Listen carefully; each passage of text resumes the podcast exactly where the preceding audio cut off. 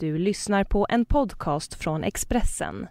Ansvarig utgivare är Thomas Mattsson. Hej och välkommen till veckans avsnitt av Livshjulet med mig Anna Hegerstrand. Det är avsnitt 163 och veckans gäst det är folkkära Jessica Andersson som jag har intervjuat just den här tiden på året i många års tid. Trots att vi har haft många långa samtal var inspelningen av Livshjulet lördagen den 28 maj det första tillfället vi fick sitta ner och prata öga mot öga. Eftersom Jessica bor i Trollhättan har vi tidigare fått nöja oss med att prata i telefon. Och anledningen till att det är just den här tiden på året vi ofta hörs, det är för att hon är en rutinerad artist i sommarens kanske folkligaste turné Diggiloo. Också i år ger sig Jessica ut på Diggiloo-turné för att underhålla runt om i Sverige och nu ska vi få höra hur fördelningen mellan bland annat jobb, fritid, relationer och hälsa ser ut i hennes livshjul. Men innan dess vill jag ge dig som lyssnar på Livshjulet möjlighet att tävla om en härlig kryssning med min sponsor Viking Line. Och det gör du genom att gå in på vikingline.se livshjulet. Du väljer mellan en familjekryssning till Helsingfors eller en nöjeskryssning till Åland. Och väljer du familjekryssningen så kryssar du och din familj lyxigt med fartyget Gabriella från Stockholm till Finlands huvudstad Helsingfors. Och ombord finns det helt nyrenoverade lekutrymmen för barn i alla åldrar. Det finns bastuavdelning med barnpool, en toppfräsch taxfree-butik och åtta nya restauranger och barer.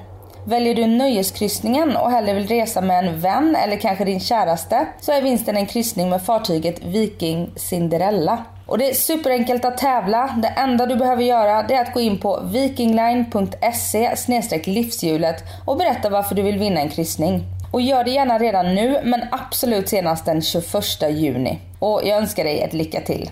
Och mig får du gärna följa på sociala medier, på Instagram där jag heter Anna Hegerstrand eller på min blogg på expressen.se Anna Hegerstrand. Nu Jessica Anderssons livsjul, varsågod.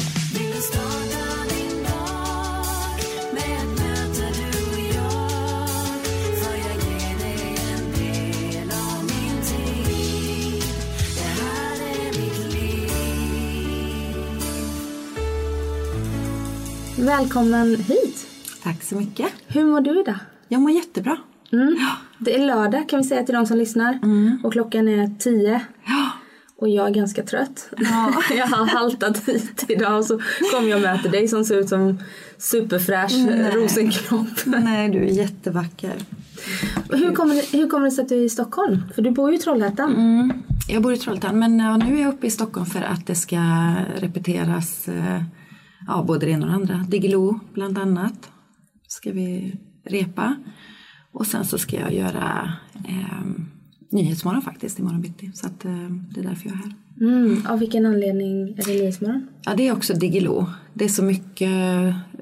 Det, Diggiloo är en jättestor apparat liksom, så det är mycket eh, press och sådär runt det. Så det, det är det. Jag ska göra det tillsammans med Magnus Karlsson mm. imorgon. Ja. Mm. Han är en tidigare gäst här. Ja, också. han är också härlig. Ni, ni är ganska goda vänner privat va? Ja, det är vi. Mm.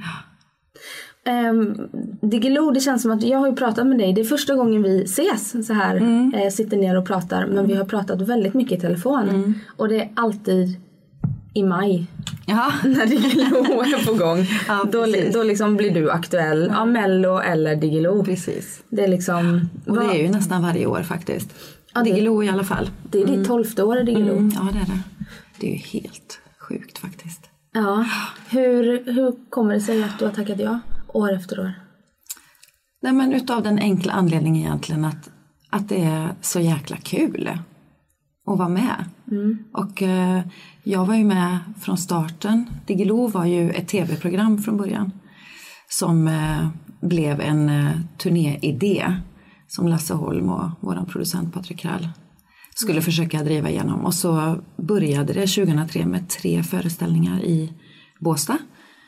Eh, och då hade jag och Magnus Bäcklund precis vunnit Melodifestivalen så då tror jag att det kändes ganska kanske naturligt utav ifrån Lasse Holm och dem att fråga oss om vi ville vara med. Och sen så blev vi goda vänner och man fick frågan igen och sådär och så tyckte man det var roligt. Så att sen rullar ju åren på. Det går ju så fort liksom. Mm. Lasse Holm, han är grundare kan man säga då. En av dem. Och han var med, sen vet jag att han slutade och liksom så här, det här är mitt sista Diggiloo. Men han är ju med i år igen. Ja, han gör, han gör Det är svårt att slita sig. Storartad comeback. Ja, nej men det är jättekul att Lasse ska vara med igen. Han har varit borta nu i fyra år tror jag. Eh, Men såklart varit eh, liksom med varje år och tyckt och tänkt och varit och tittat och sådär. Jag tror att han, ja, men han blir lite sugen igen. Men det är jättekul ju. Jätteroligt. Men det är hela somrarna, det är väldigt många stopp ni gör. Det är från norr till söder i Sverige. Så det är hela somrarna som går. Ja, det är det ju. Men eh, alltså, så ser ju mitt liv ut. Det är ju tolfte året som sagt och jag valde ju att ta eh, ledigt två år från Diggiloo och det var ju för att jag kände att jag ville ja, men du vet, ha en sommar med min son och kunna göra andra saker. Liksom. Ehm, men ja, det är mycket jobb men det, det är också ett jobb Alltså det känns ju konstigt att ens kalla det för jobb för att eh, man får göra det som man liksom älskar mest av allt i hela världen, att underhålla och så sjunga liksom. Men sen är det ju också en arbetssituation då, där man kan ha med sig sin familj, du vet, och Liam han följer med och vi åker till massa fina ställen och det är badsjöar och det är hotell med pooler. Han tycker det är kul liksom så att ehm, Fortfarande, för han är ju tonåring nu. Ja, han blir 14 nu, kära någon. Ja. Eh, jo, men eh, det, nu har det blivit de sista åren att det hänger lite grann på vad det är för artister med, om man tycker det är roligt att följa med. för han är inte så jätteimponerad av, av mig såklart och vad jag gör. Det är inte så kul, men i år så är ju eh, Medina med på Diggiloo. Och då blev Liam så här, åh Medina det är kul, då vill jag följa med. Ja, det är ganska många nya i år. Ace Wilder, gammal gäst till mig här i Ja. podden, eh, är ju med. Och eh, Thomas Di Leva, Mm. Fast han har varit med förut. han har varit med förut. Mm. Det är andra gången för honom. Mm. Men det är några nya ansikten eh, för mig också. Medina och Ace. Eh, ja, det är ju så många. Ja, det är väldigt många. Ja, det är många. Men jag, håller, jag kan förstå vad du menar just det här med att det knappt känns som ett jobb. För jag var ju nere i, mötte upp er i Eksjö i, i somras och intervjuade Martin Stenmark i Diggiloo-turnébussen. Ja.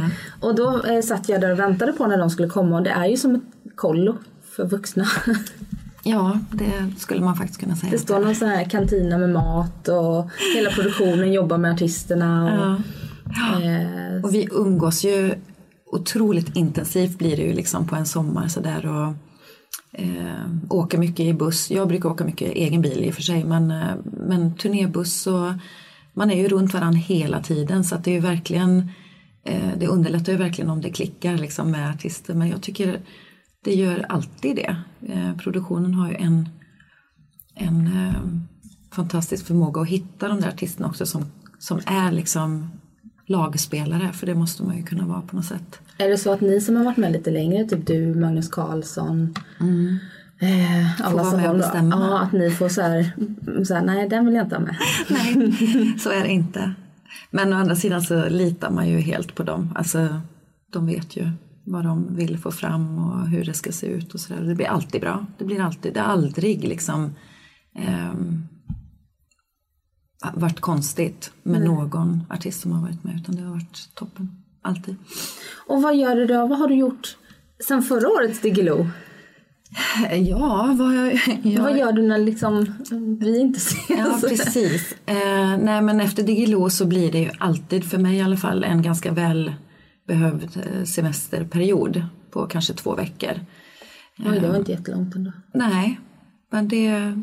Men å andra sidan så har jag oftast vardagar ganska ledigt också. Så. Men eh, semester och sen så förra året då blir det ju, så gjorde jag en egen julturné. Min första faktiskt egna, i eget namn. Det var fantastiskt spännande och kul eh, på många sätt. Var det läskigt att dra hela apparaten själv? Att det var du som det hängde på? Det det hängde på. Nej, för jag kände mig inte själv. Jag hade med mig två fantastiska, vi gjorde det tillsammans liksom. Vi hade med mig Lisa Ljungberg på piano, Per Strandberg på gitarr och det var vi. Det som var liksom, det var att jag bestämde mig för att jag ville att turnén skulle vara ganska personlig så att jag valde eh, mycket låtar ifrån min skiva som jag skrev med Peter LeMarc som handlar mycket om min bakgrund och sådär. Så att vissa 4, kvällar... 14, 40? 40, 14, 4. 40, 14, 4. Får vända på det. Ja. Ja, det gör ingenting. Jag fick med siffrorna i alla fall. ja. Ehm, och jag fick några sådana mejl uh, ifrån någon som var på någon konsert att jag, hon skrev att jag var faktiskt tvungen att gå under halva för att det blev för jobbigt att lyssna på. Alltså det är jättefint och du är fantastisk men för mig så väckte det så att jag tror att den här konserten vi gjorde berörde på många plan. Liksom. Men jag tycker också att det är viktigt att inte allting bara är liksom, glitter och, eh, och sådär. Utan det finns ju en, en tuff verklighet också för många och det är väl bra att någon kanske belyser det också, kände jag. Så det gjorde jag. Ja, och det är lätt när man eh, har valt din nisch med schlager och Diggiloo, det här folkliga, att, att det blir väldigt glättigt. Men du har ju också visat en annan sida av dig själv och, och pratar öppet om det. Ehm, och, och den här skivan, jag vet ju att Peter LeMarc har betytt otroligt mycket för dig. Ehm, det var en idol som du sen fick möjlighet att jobba med. Precis. Och är fortfarande såklart. Och mentor. Ja, jag kände det så i alla fall under våran eh, lilla korta tid ihop. Ehm, för det första så trodde jag ju aldrig ehm, att Peter skulle tacka ja till att göra den här skivan med mig. Ehm, någon slängde ut en fråga sådär, ja, men om du fick välja någon som du ville skriva med, vem skulle det vara då? Och då sa jag ju Peter LeMarc. Uh, eh, ja, men då frågar vi då. Ja, fast det, alltså man kände ju att man spelar liksom i olika ligor på något sätt, jag och Peter LeMarc. Men dagen efter så ringde han till mig och sa, ska vi göra en skiva ihop? Du vet sådär asskön liksom. Och så gjorde vi det. Och uh, nej, det är en tid i mitt liv som jag värdesätter väldigt högt faktiskt. Det var fantastiskt att få se hur han jobbar och få liksom ta del av det. På vilket sätt menar du att ni spelar i olika ligor? Nej men det är ju lätt att kanske få för sig det. Liksom Peter LeMarc för mig, som du sa själv, han var ju min idol. Eh, och är fortfarande. Och då är det så liksom Ja, det kanske är någonting som jag får jobba med men jag har lite svårt att se att jag skulle liksom eh, var likvärdig på något sätt. Men efter att ha jobbat med honom och, eh, så, och det är det jag menar med att han har betytt så mycket för mig för han blev ju någon slags mentor för att han byggde ju upp, också upp min, min eh, självkänsla på många sätt.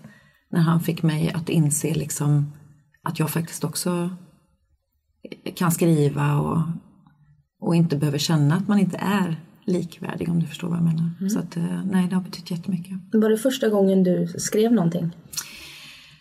Ja, som har publicerats eller som har getts ut liksom. Ja, det var det. Jag har ju skri- alltid skrivit mycket. Jag var ju en sån riktig, i skolan så skrev jag liksom, när vi fick i uppgift att skriva en sida i skrivboken så skrev jag 25 liksom. För att jag har alltid älskat att skriva. Så att, eh, men eh, ja, första gången något har getts ut. Vad häftigt att få göra det med sin stora idol då. Ja, Vad har ni för relation idag? Eh, vi är Facebook-kompisar. Instagram-kompisar. Nej men eh, vi hörs av ibland, du vet så här på mail. Han är väldigt gullig och skickar så här julkort alltså på mail eh, från han och hans familj. Och, men vi hörs ibland så där, men det är inte så att vi umgås så. Men, eh, men eh, Och sen så sedan dess har det ju kommit ut eh, ett, en till skiva förra året. Eh, Perfect Now. ja, precis. Och är det den som du...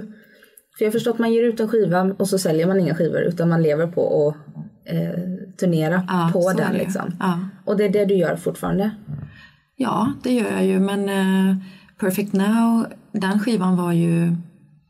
Alltså 40 14 4 är ju i, en egen, i ett eget litet fack, för den var ju som en musikalisk eh, fortsättning eller förlängning på min bok som jag skrev, så att den skivan kändes så nödvändig att göra.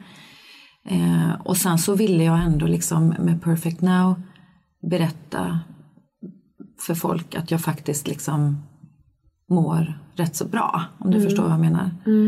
Och att man har landat efter, ja, efter den här eh, självbiografin och skivan som kom med den. Liksom. Mm. Och vi, det är väl värt att nämna för lyssnarna att boken, din självbiografi, kom ut 2009 och heter När kalla nätter plågar mig med minnet av hur det var.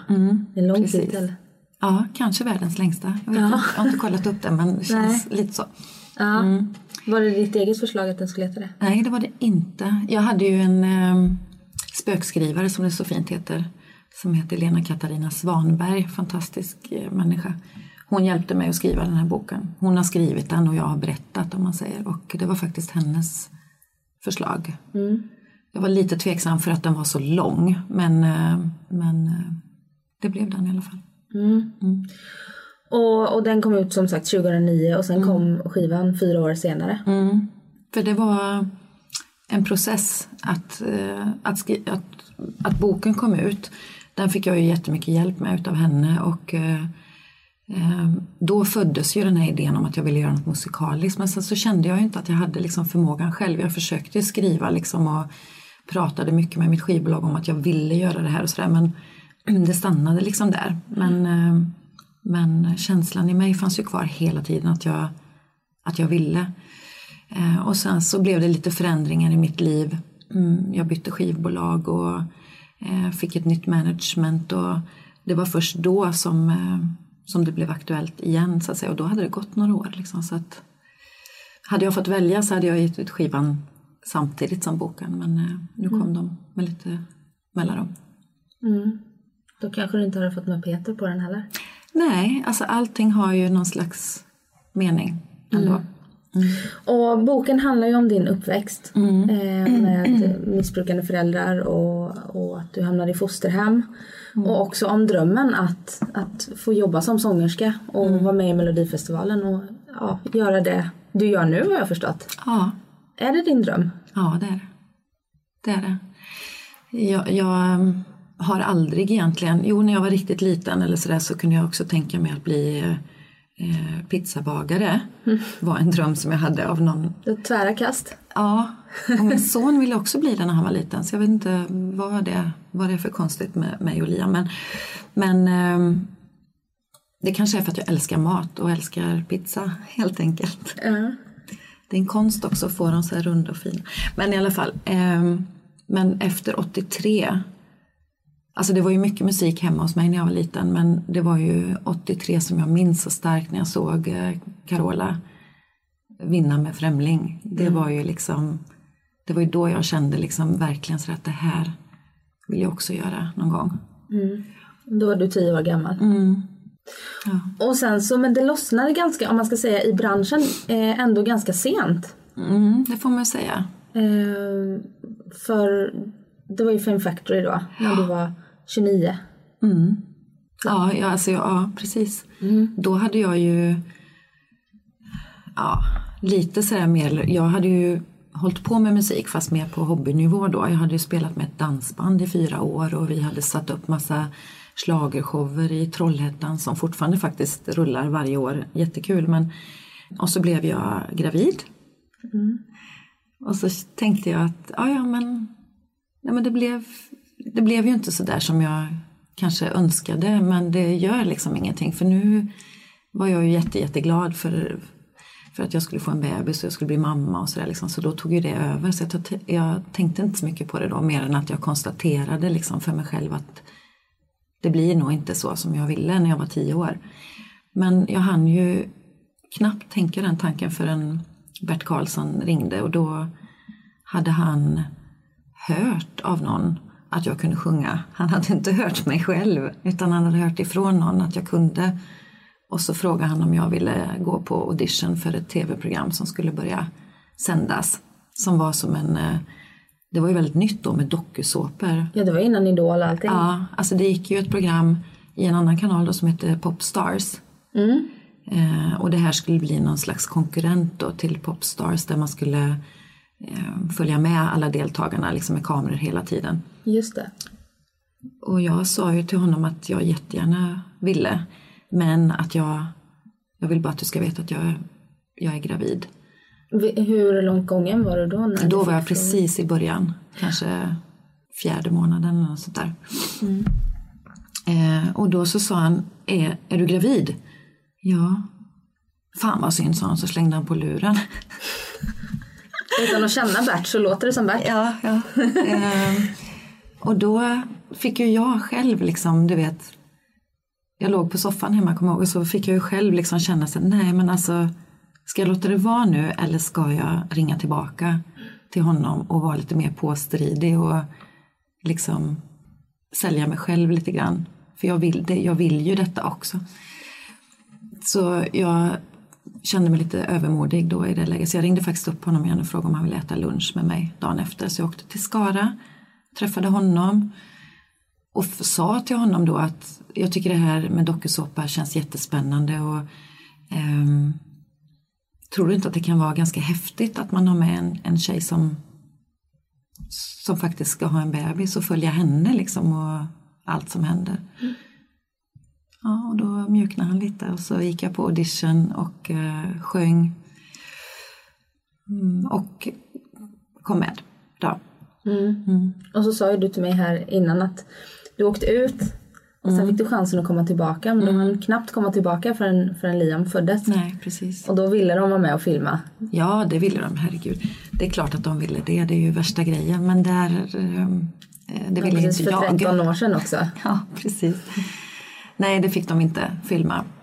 Det känns lite eh, konstigt tycker jag. Men eh, ja, nej men hela, hela min graviditet var ju liksom framför en kamera egentligen kan man säga.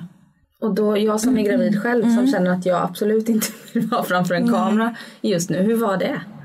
Men då, alltså jag var ju, jag skulle ju bli mamma och jag var gravid och all liksom, ja, du vet ju hur det känns, man är ju så liksom förväntansfull och, eh, och, och sådär.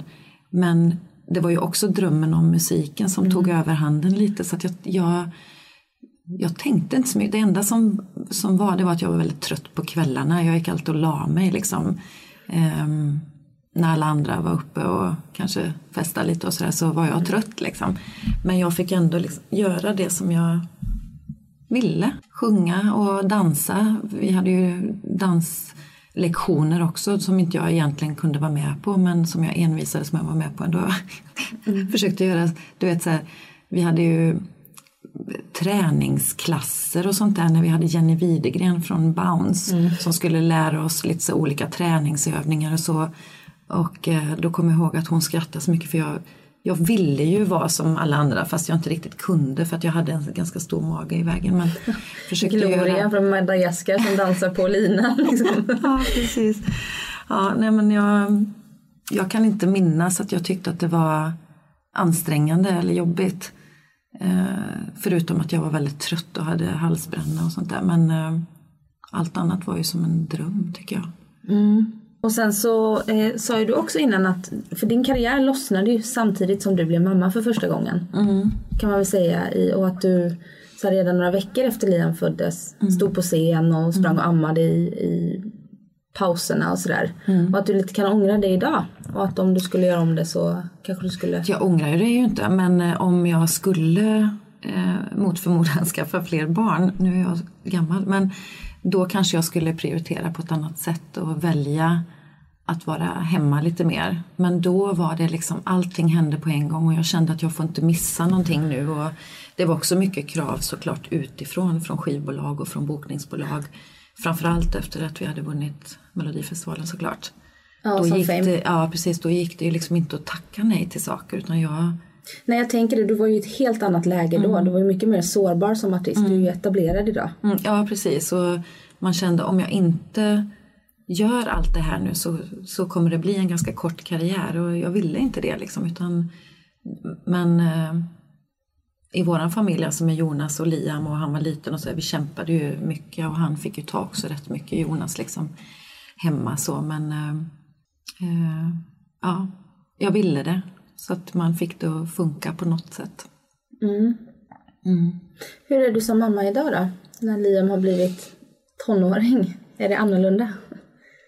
Eh, nej, jag är en ganska, eh, ja vad ska jag säga, inte överbeskyddande är jag inte, men han får ganska mycket så här, han har ganska mycket fria tyglar hemma hos mig om man säger, men Han har också vuxit upp, han är ju 13 år idag, vuxit upp och blivit en alldeles unik liten människa. Otroligt självständig eh, och stark och orädd, du vet och sådär.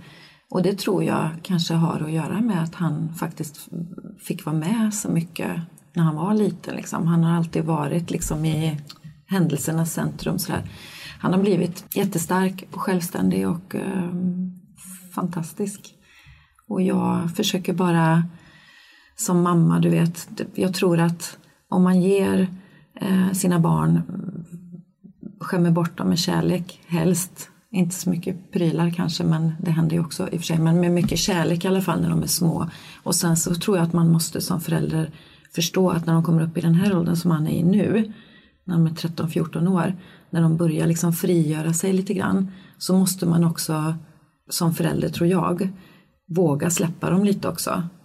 Och inte ta det personligt att de inte vill, att de inte är lika nära längre som man var för kanske tre, fyra år sedan.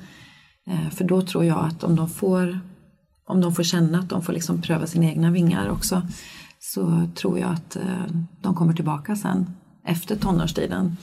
Du vet. Känns det vemodigt? Ja men det gör det ibland. Jag saknar ju eh, gosstunderna såklart. Ja, du får de, inte gosa så mycket nu. Nej, alltså de, är, de finns men de är färre.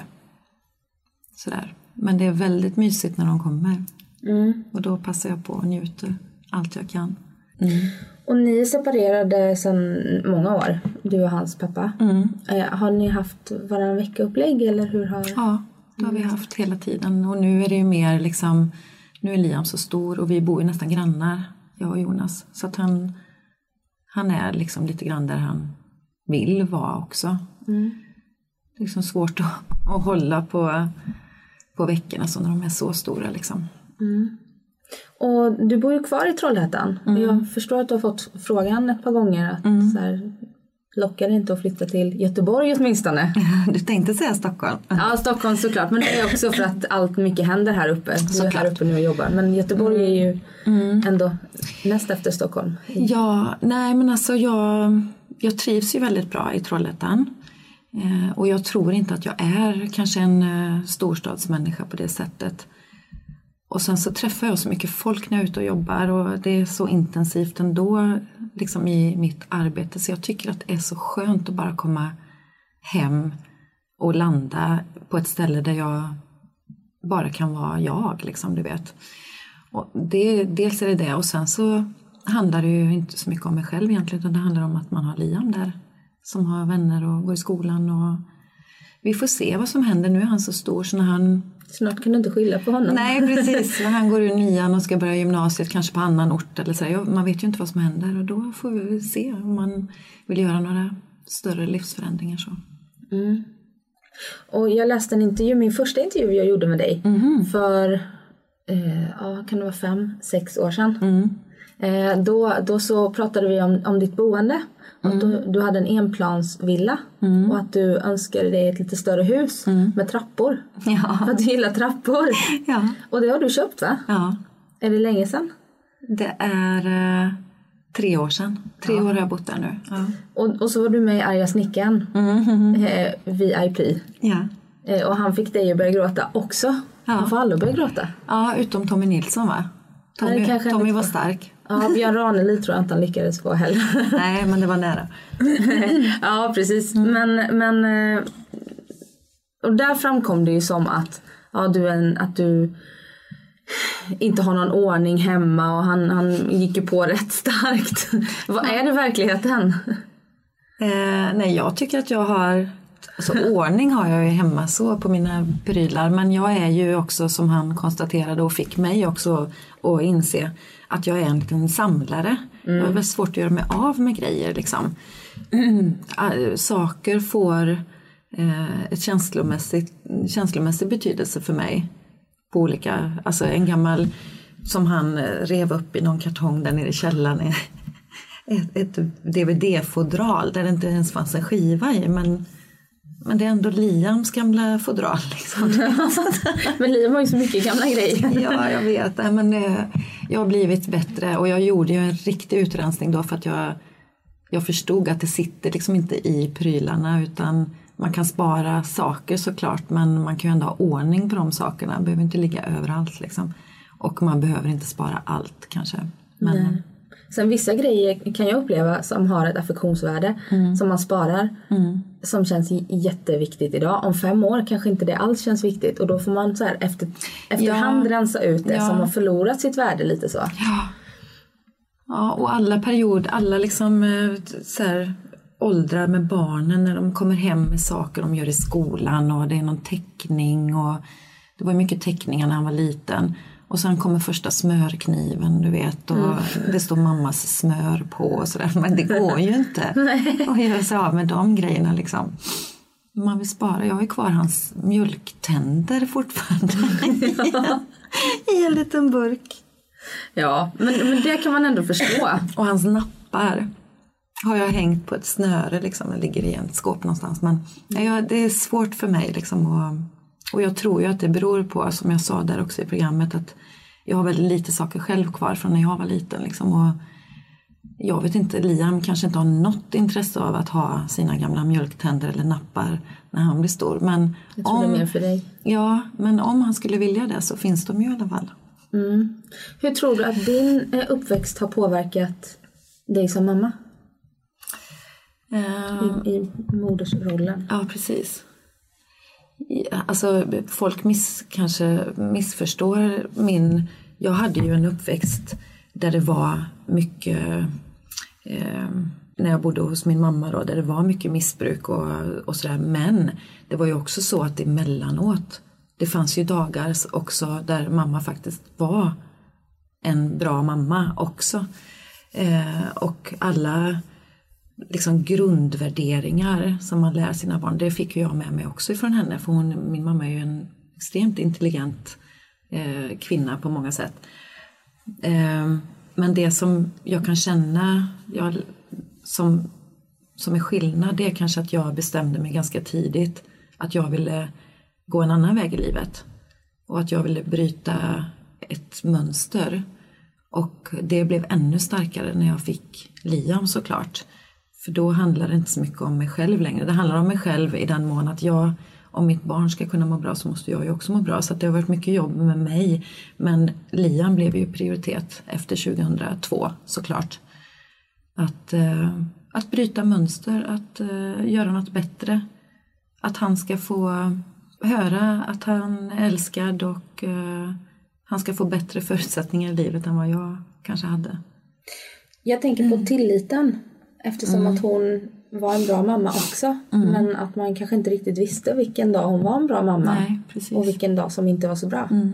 Eh, vad känner du med tilliten? Har du svårt för det eller?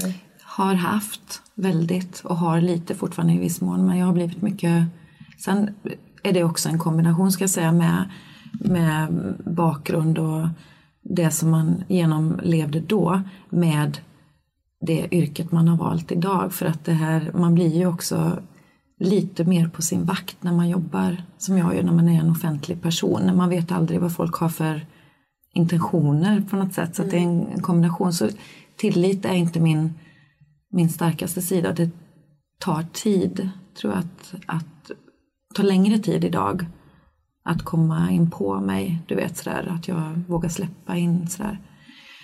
Men eh, så det kanske krävs lite tålamod ifrån människor. Men jag har ju människor runt omkring mig som är mig, liksom som står mig nära, som är mina vänner och som vet allt om mig. Och, eh, ju äldre man blir desto mindre så nära vänner behöver man också för man är ganska, man har sin lilla krets liksom du vet. Världen krymper lite.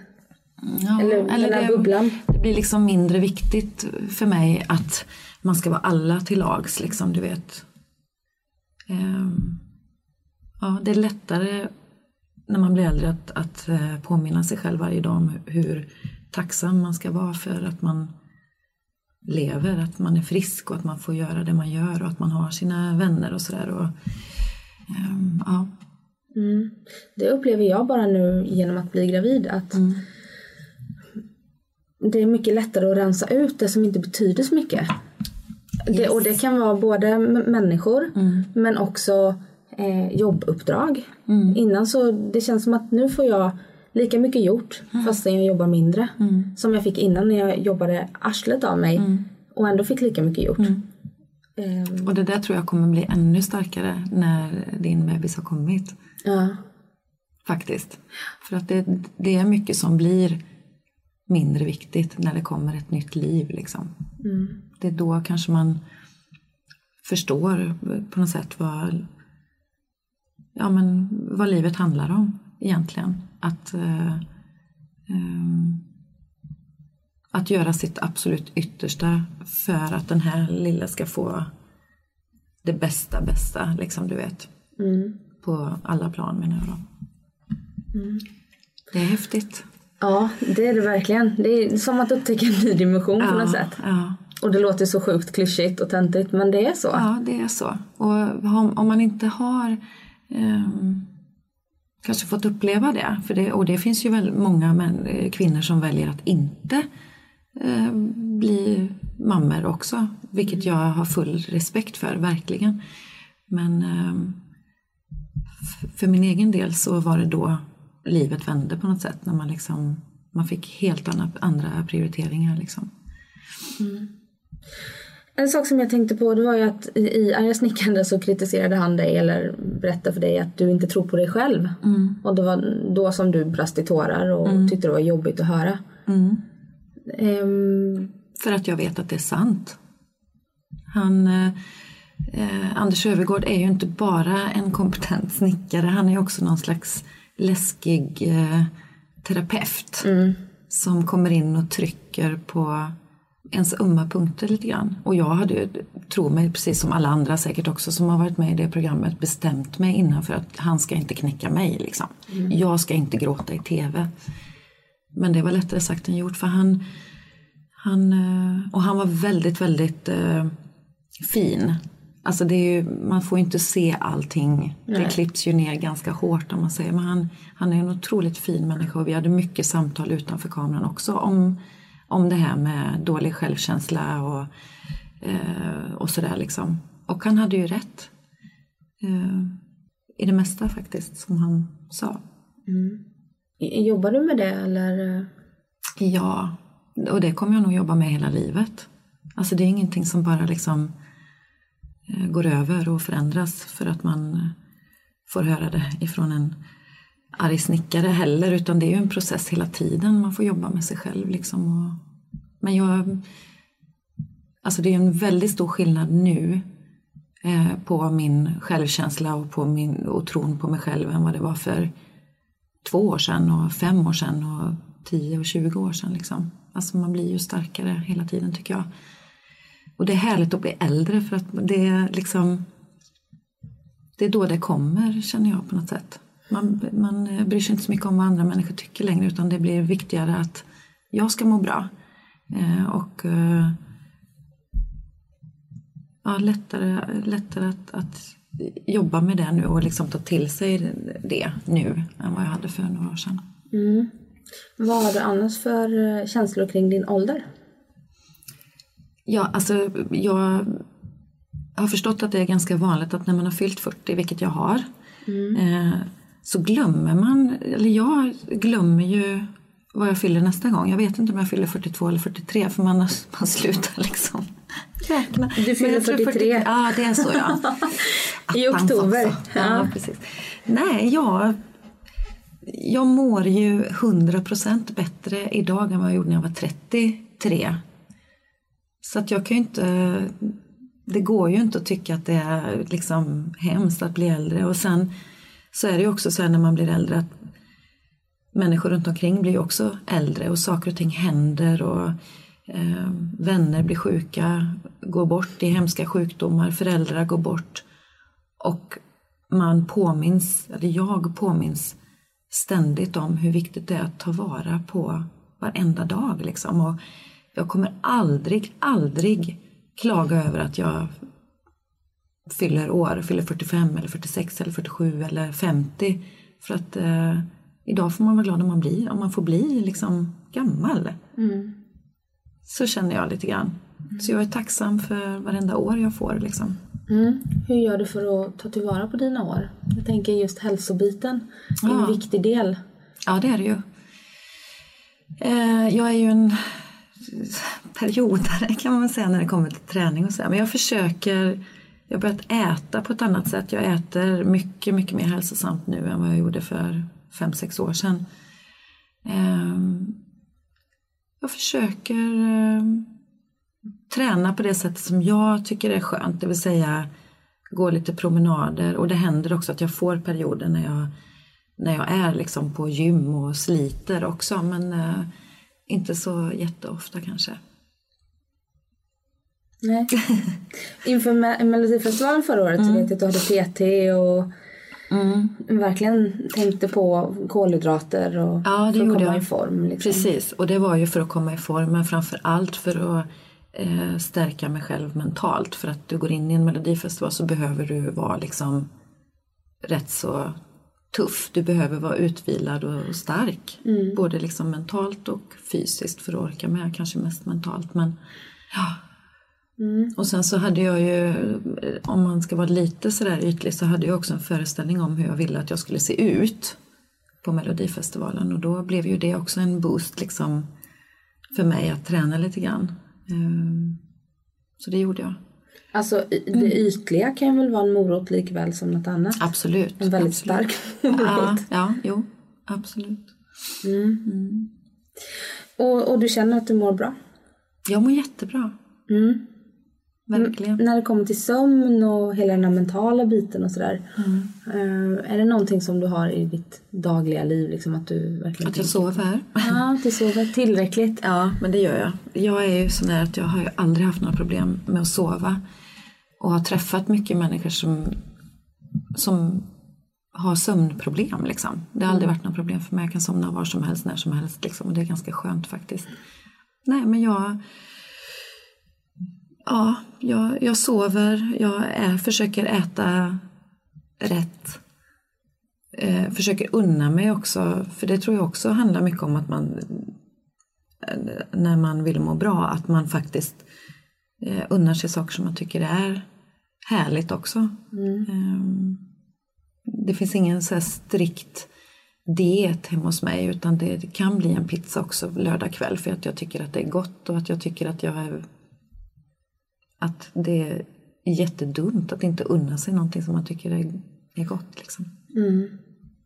Och du blev ju utsedd till eh, Sveriges sexigaste kvinna i Café va?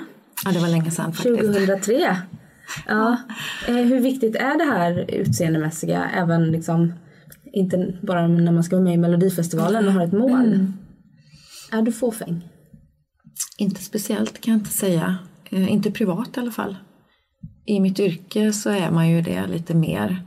Och eh, jag kan ju tycka att det är i min bransch lite väl hetsigt kring utseende, tyvärr. Eh, men det är klart att jag tycker om att göra mig fin om jag ska stå på scenen. Men privat är jag inte speciellt fåfäng. Inte. När det kommer till så här skönhetsingrepp och, som blir allt vanligare idag, vad har du för inställning till det? Jag tycker att det är eh, varje människas fria val. Jag tycker det är bra att det, att det finns. Jag tycker att precis som alla andra saker så kanske man inte ska missbruka det. Men eh, jag är positivt inställd till det. I lagom dos. Ja, vet. Ja, den där gränsen är det vissa som har svårt att dra. Ja, nej, men jag vet och det är det. Det är som tatueringar. Nu har jag inga tatueringar själv men jag har förstått att när man har gjort en så blir man sugen på att göra en till. Så är det kan jag säga. Har du tatueringar? Jag, har gjort, jag gjorde en för en månad sedan. Ja, det gjorde du ju. Helt bara sådär. Ja, faktiskt. Och det var ett sånt där. Ibland så får jag ju... Det händer inte så ofta, men ibland så får jag sån här... Nu ska jag göra det.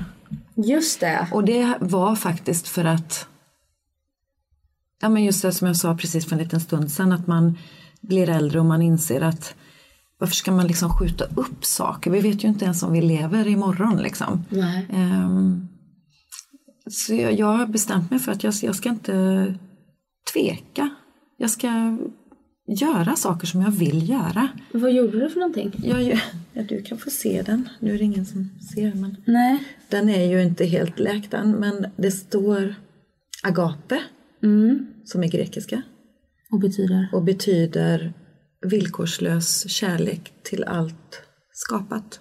Och hur, hur kom du på att det var det du ville Jag har en väninna i Turkiet som har eh, en tatuering som är savoir vivre som är franska och betyder ungefär samma sak då som detta. och den är så fin tycker jag. Men så ville jag inte kopiera hennes utan jag har liksom letat efter ett annat ord som skulle liksom påverka mig på samma sätt. Du visste att det var ett ord du ville ha? Ja, jag ville ha den betydelsen. Att man liksom har kärleken till, till livet helt enkelt. Eh, och då finns det ju massa olika, men så dök det här agape dök upp flera gånger och så tyckte jag bara att det var vackert och fint. Och så hittade jag ett typsnitt som jag gillade och så tog jag med mig det och gick ner och sa att du... Och så tänkte jag så här, jag bokar en tid. För jag vet ju också att ibland kan man ju få vänta flera veckor liksom innan man får en tid. Så jag bokar en tid och så kan jag ju liksom backa ur om jag inte, om jag inte vågar. Men då sa han att ehm, då sa han att jag har en tid halv fyra idag. Om du vill. Och då, då bestämde jag mig bara. Så gjorde jag det. Ibland är det bara att göra det. Ja, jag ångrar inte den alls. Jag tycker den är jättefin och eh, ja, den är fin. Men man blir sugen på att göra fler. Ja, precis. Det blir man. Det är så. Ehm, vad blir det då, då? Nej, jag vet inte om jag ska göra någon mer faktiskt. Men eh, Det kan vara bra att sova på saken. ja, ja, verkligen. Jag ska sova på den i ett par år. ett par år också. Eh, jo, sen eh, undrar jag, du sa att du gillar att unna dig. Ekonomi är ju en, en viktig del i det här livshjulet som vi pratar om. Eh, vad, vad betyder pengar för dig? Ehm, pengar betyder trygghet i viss mån. Ehm, det är inte det viktigaste, absolut inte, långt ifrån egentligen, men ehm, ja, en viss form av trygghet är det ju ändå idag, tycker jag. För mig och för min son. Jag sparar mycket pengar. Eller mycket pengar, men jag, jag har varit ganska duktig faktiskt på du vet, att månadsspara, pensionsspara och när Liam föddes så öppnade vi ett konto och sparar och sparar och sparar för att jag vill ju att han ska få känna också en ekonomisk trygghet när han blir lite större då. Men eh, ja, det är inte, inte livsviktigt men eh, eller jo det är det ju. Alltså du, ja. Har du inte pengar så skulle du nog säga att det är Ja, livsviktigt. ja, jo men det är ju livsviktigt men eh, det är rent sådär ja, på ett praktiskt plan så är det livsviktigt för att överleva om man säger. Eh, Men på ett djupare plan så känner jag inte att det är det viktigaste i mitt liv. Nej. Nej. Och du har ändå eh, dragit runt ditt hushåll själv och du har en frilanslön eller vad man ska säga. Det är frilansuppdrag som är mer vissa perioder och mindre. Är du trygg i det? Nej, eller ja, nu är jag mer trygg i det än vad jag var för några år sedan. Men, men eh, det är ju, man ju- jag vet ju faktiskt inte från år till år hur min ekonomi kommer att se ut. Nej. Eh, och för fem, sex år sedan så, så tänkte man ju till och med att ja, men, jag vågar inte lita på att jag kommer att ha den här karriären resten av mitt liv. Ehm, och man har inte den här eh, anställningstryggheten, eh, kanske du vet om man blir sjuk eller om någonting händer eller sådär. Utan, Ja, det var det jag tänkte med din julturné. Blir du sjuk så får man ju ställa in turnén. ja, Och det blir inga pengar. Nej, så är det ju. Och, där, och det är därför jag försöker att vara lite sparsam. Också att det alltid ska finnas liksom en buffert om någonting händer. Och jag är ju inte... Nu tror jag, hoppas ju och, och tror, framförallt hoppas jag att jag ska få fortsätta göra det jag gör ända tills jag blir gammal liksom, du vet. Ehm, men det vet man ju inte. Jag skulle inte ha några problem att göra något annat heller men jag skulle väldigt gärna vilja fortsätta med det jag gör. Mm. Som det ser ut nu så verkar det ju gå bra. Ja, Men, men jag förstår, jag är också, jag är också egen. Jag, Ja. det, Ja, den där men det- oron finns där. ja men det gör det. Det är ingenting man går och tänker på hela tiden men eh, Nej, och den minskar upplever jag ju mer etablerad man blir, ju mer man har jobbat. mm, ja, lite så. Sen sa du innan vi pratade om, eh, om eh, Liam och att ehm, du är inte är så sugen på barn. Det är ju en fråga jag har ställt dig i varje intervju. Ja. Vill du ha fler barn? Alltså, och jag svarar som jag alltid brukar svara dig när du frågar. Vet du vad jag upplever att du har svarat? Att från början, när jag började intervjua Ja. dig för typ fem Då år sedan. jag. Ja men då var det så här. Och sen så har du blivit svalare och svalare och svalare. Fast det blir ju kanske lite så med ålder också. Att man, alltså hur gulligt jag än tycker att det är och älskar verkligen barn liksom och eh, tycker det är urmysigt verkligen. Men så, och det, det väger man då emot det här, man ska nog orka börja om från början. Jag är också äldre, man orkar ju liksom kanske inte lika mycket idag som man gjorde när man var 25 liksom heller. Jag vet inte, jag är kluven. Och jag skulle vilja att, att eh, om, tänk om jag skulle skaffa barn nu, då, då skulle jag ju vara ganska gammal när det barnet är tonåring och så ska man orka med allt som kommer då. Och springa på stan och jaga, du vet, och hämta och skjutsa. Och, alltså det är så mycket saker känner jag. Men jag, jag, jag är kluven. Ja, det är så intressant att du säger det. För hade man suttit och frågat en man som är 42 så hade han nog inte reflekterat på Nej. samma sätt. Nej. Det är verkligen... Sen så en man ska ju inte bära ett barn och föda Nej, ett barn. Men, eh, Men man ska ju- efter, ja, det landar mycket på kvinnan, det gör ju det liksom. Mm. Men du lever ju med, en- med en man som är tio år yngre än dig. Mm, ja, Lever inte med en man? nej det gör jag inte. Nej, okej. Du lever själv och då är den frågan ännu längre bort, eller? Ja, Ja, precis. ja okej. Så kan man säga.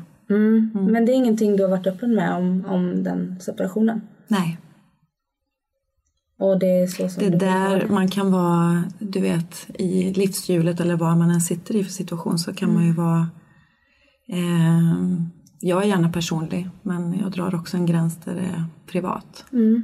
Så att nej, jag har inte varit öppen med det men så är det. Mm. Nej men det... Jag sa det att jag kommer ställa frågorna och du väljer Ja. vad du vill svara på. Ja. Ja. Trivs du som singel? ja, jag mår jättebra nu. Det gör jag verkligen. Mm. Men ni var ändå tillsammans ett, ett tag? Ganska, eller ganska många år? Ja, i sex år i alla fall. Eh, och vad, vad den omställningen, vad har det inneburit för dig? Nej, jag, bara- jag, jag vet inte. Den, det, det här är ju inte... ehm, jag vet inte vad jag ska svara. Det innebär, jag känner idag att jag, jag mår väldigt bra i alla fall. Ehm, och ehm, vill inte prata så mycket mer om det faktiskt. Nej. Jag respekterar det. Tack. Och, och jag vill tacka dig för att du, du kom hit till Livshjulet. Tack För det börjar, vi har pratat nu länge. Ja, det har vi. Ja, nu står det en fotograf här utanför som ska plåta dig för vi ska göra lite fler jobb. Ja, det är bra att passa precis. på när man har dig i stan. Mm, ja, det får man göra. Ja. Vad ska du göra sen? Det är, det är lördag som sagt. Blir du kvar hela helgen? Ja, det blir jag. Jag ska göra Nyhetsmorgon. Imorgon med Magnus Karlsson och repa lite inför det idag med musiker. Mm. Och sommaren blir inget ledigt utan det är Diggiloo. Det blir Diggiloo. Eh, det ska bli jätte, jätteroligt. Jag ser verkligen fram emot eh, sommaren. Ehm, ja, ja, nej, det ska bli jättekul. Mm. Och så vet jag att du alltid typ åker till Turkiet på semester. Ja, ja, det brukar jag göra. Men nu tycker jag att det känns lite oroligt där. Så jag tror inte att det kommer bli någon Turkietresa i år, tyvärr. För jag har ju vänner där nere som sagt som jag gärna vill hälsa på. Vi träffades för två helger sedan eh, och då skulle vi ha, för min guddotter fyllde tre.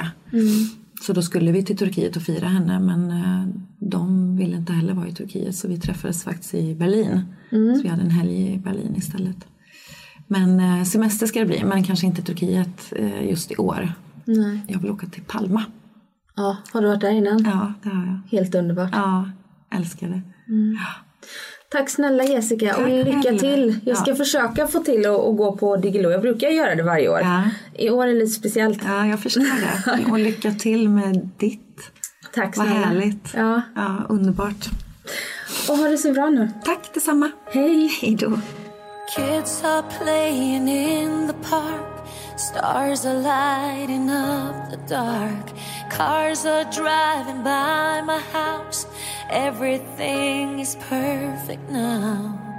I rise above my need for love. I know one day I'll fly again,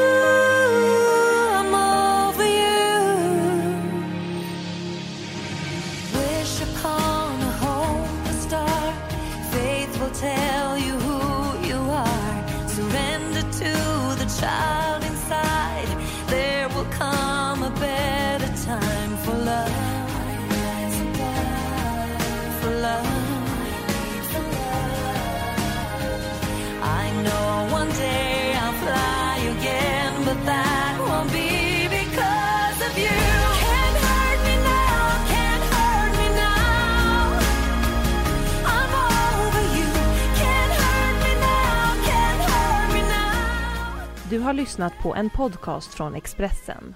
Ansvarig utgivare är Thomas Mattsson. Nu är den stora färgfesten i full gång hos Nordsjö Idé och Design. Du får 30% rabatt på all färg och olja från Nordsjö. Vad du än har på gång där hemma så hjälper vi dig att förverkliga ditt projekt. Välkommen in till din lokala butik.